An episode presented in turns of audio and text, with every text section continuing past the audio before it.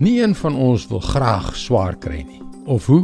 Jesus het ons immers geleer bid en laat ons nie in versoeking kom nie, maar verlos ons van die bose. Het hy nie? Hallo, ek is Jockey Gouchee vir Bernie Diamond en welkom weer by Vars. Dit is interessant hoe dit lyk asof party verse in die Bybel mekaar weerspreek. Wat gaan aan? As ons aanneem dat God nie 'n fout begaan nie, bedoel hy dat al die verse daar is met 'n doel en dat ons saam moet uitvind wat dit beteken. Hier is 'n vers wat lyk asof dit in skrille kontras staan met wat Jesus ons geleer het. Psalm 139 vers 23 en 24. Deurgrond my o God, deurgrond my hart, ondersoek my, sien tog my onrus raak.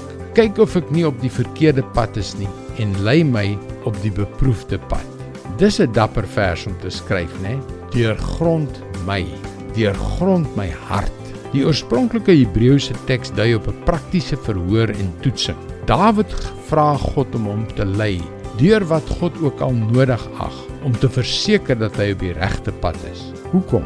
Omdat hy reeds besef het dat hy vir God moet vra om sy motiewe te ondersoek nadat hy net 'n rukkie van tevore sulke kras woorde teenoor sy vyande uitgespreek het. Psalm 139 vers 19 tot 22. As U tog maar die goddelose uit die weg wou ruim, o God, gaan weg van my af, julle moordenaars.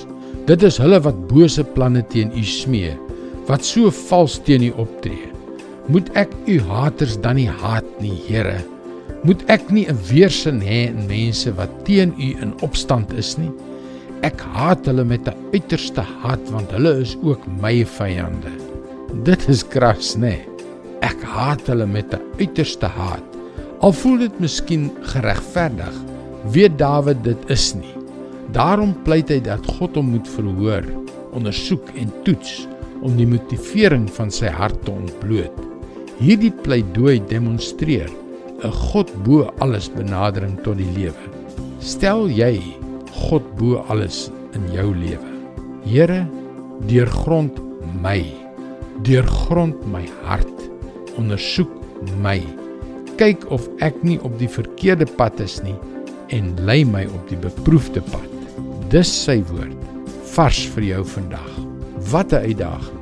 Die woord van God is lewend en kragtig dit is skerper as enige swaard met twee snykante en dit beoordeel die bedoelings en gedagtes van die hart. Luister weer môre na jou gunstelingstasie seënwense en mooi loop